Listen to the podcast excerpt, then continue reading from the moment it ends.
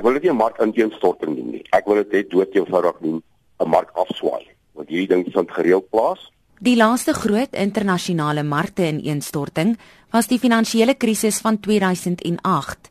Die ineenstorting van die Amerikaanse huismark was hier die sneller.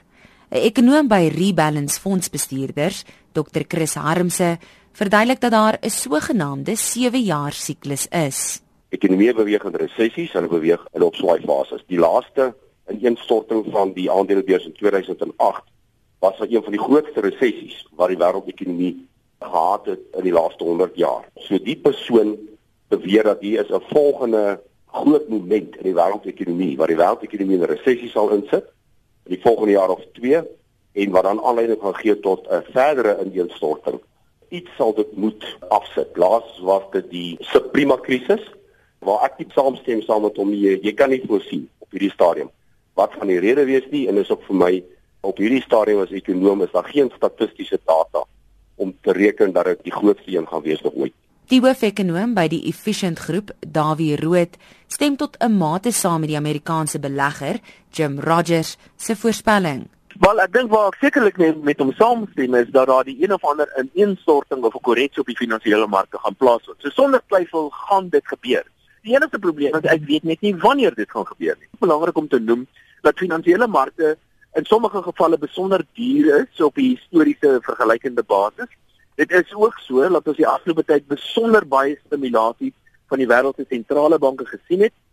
En ek sou nog nie verbaas wees as ons daar die een of ander korreksie van 'n aard is op die wêreld se finansiële markte nie. Maar dit is 'n natuurlike ding wat in elk geval kort kort gebeur. Rood sê elke ineenstorting het 'n sneller hierdie gebeurtenis wat dit vooraf van is nie die rede hoekom die finansiële markte in duie stort nie. Dit is gewoonlik maar net die eerste pion wat omval. Die een daarvan moontlik is 'n opwaartse siklus in korttermyn rentekoerse. En ons het al reeds gesien dat die Amerikaners begin het om rentekoerse te verhoog. 'n Ander moontlikheid sneller kan wees dat die een of ander finansiële instelling soos 'n bank byvoorbeeld 'n ernstige finansiële probleme optel. 'n Nog 'n moontlikheid kan miskien wees 'n land wat ergens nie in staat is om sy skuld terug te betaal nie. En daar's 'n hele klompie lande wat se skuld op vlakke is wat dit baie moeilik gaan wees vir daardie eh, lande om hulle skuld te kan terugbetaal. Nog 'n moontlikheid kan een of ander natuurramp wees. 'n Natuurramp soos byvoorbeeld 'n groot kern ongeluk ernstig kan sweet aan die aan die gang sit. Of dit kan dalk 'n oorlog wees. 'n Aandelemakelaar by PSG, Amelia Morgenrood, sê egter so 'n voorspelling is roekeloos. 'n Stikkende horlosie is twee keer op 'n dag reg. So, as jy sê dat 'n prys gaan val of 'n mark gaan val of hy gaan baie styg, dan is daar 'n sterk moontlikheid dat jy een of ander tyd gaan reg wees. Die ander kant van die saak is daar 'n baie mooi term, ek is nie seker of daar 'n goeie Afrikaanse woord daarvoor is nie, is maar 'n tropbeweging, maar in Engels sê hulle dit so mooi financial herding. So financial herding is basies wanneer almal dieselfde idee of gedagte oor 'n ding kry en dan doen almal dit.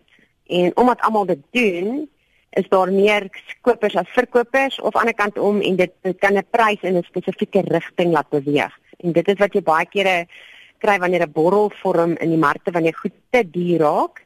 En dit tipies hierdie financial herding of hierdie tropbeweging veroorsaak gewoonlik dat 'n prys te hoog gaan of te laag gaan. Wanneer hy val, val hy te veel en wanneer hy styg, styg hy te veel. Sy sê die mag van persepsie speel hier 'n reuse rol. Kom ons sê ek koop 'n huis en ek weet daar gaan byvoorbeeld 'n belangrike landmerk opgerig word naby hierdie huis oor 2 jaar. Dan gaan die prys van die huis dalk al nou begin styg want almal weet dit klaar dat daai landwerk daar opgerig gaan word en dan gaan jy dit al klaar in die prys sien. Dis maar daai onsekerheid, jy het 'n persepsie oor iets, jy is nie doodseker of dit gaan gebeur nie en dan is dit die drive wat ons nou oor gepraat die financial herding. Nou besluit 'n klomp ouens maar hulle dink tog dit gaan gebeur en dan kom ek en jy agterna want ons is bang ons mis nou uit op hierdie op die, op hierdie ding. Jy weet, ons wil ook deel wees van hierdie skepping van welvaart en dan spring ons ook in en ons koop ook. So dan stoot ons die prys nog verder op. En as daar dan nie winste kom om hierdie pryse te regverdig nie, dan kan dit in duie stort. Die probleem met hierdie goederes is niemand kan dit voorspel nie. 'n Markte afswaai is onvermydelik, so ook 'n opswaai. Tog moet die verbruiker voorbereid wees.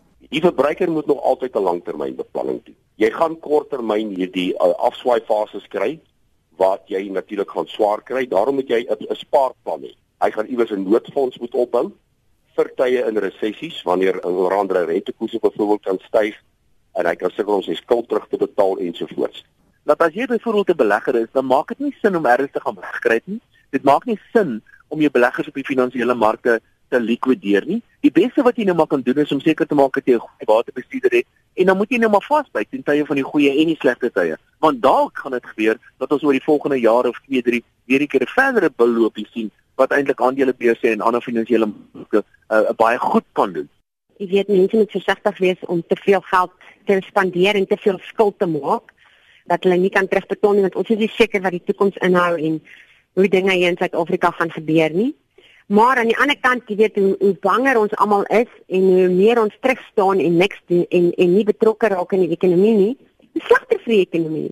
Dit was die ekonome Amelia Morgenrood, Davie Rood en Dr Chris Harmse. Ek is Melissa Tuggie vir SAK nuus.